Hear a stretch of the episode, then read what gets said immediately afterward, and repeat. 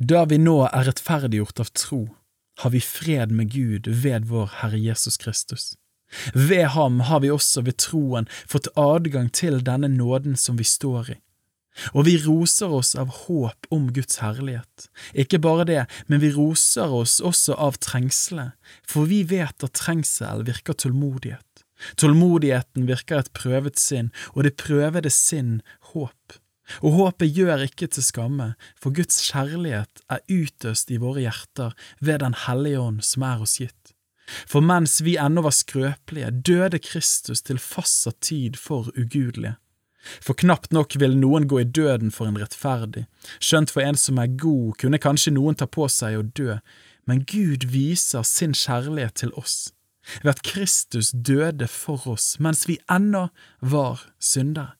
Hvor mye mer skal vi da, etter at vi er rettferdiggjort ved Hans blod, ved Ham bli frelst fra vreden? For ble vi forlikt med Gud ved Hans Sønns blod, da vi var fiender, skal vi så mye mer bli frelst ved Hans liv etter at vi er blitt forlikt.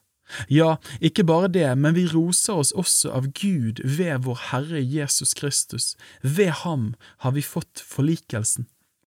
Derfor, like som synden kom inn i verden ved ett menneske og døden på grunn av synden, og døden slik trengte igjennom til alle mennesker fordi de syndet alle, for vel var det synd i verden før loven kom, men der det ikke er noen lov, blir synden ikke tilregnet.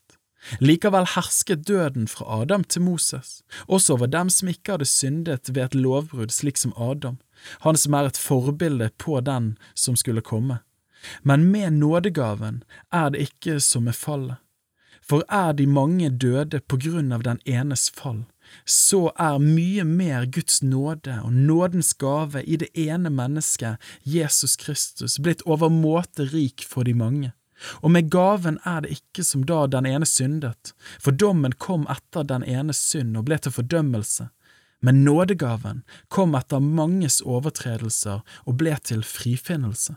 For om døden kom til å herske ved den ene, fordi denne ene falt, hvor mye mer skal da de som mottar nådens og rettferdighetsgavens overstrømmende rikdom, leve og herske ved den ene, Jesus Kristus? Altså, like som én manns overtredelse ble til fordømmelse for alle mennesker, slik blir også én manns rettferdige gjerning til livsens rettferdiggjørelse for alle mennesker.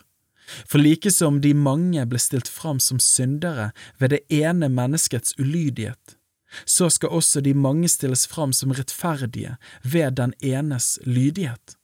Men loven kom til for at fallet skulle bli stort, men der synden ble stor, ble nåden enda større.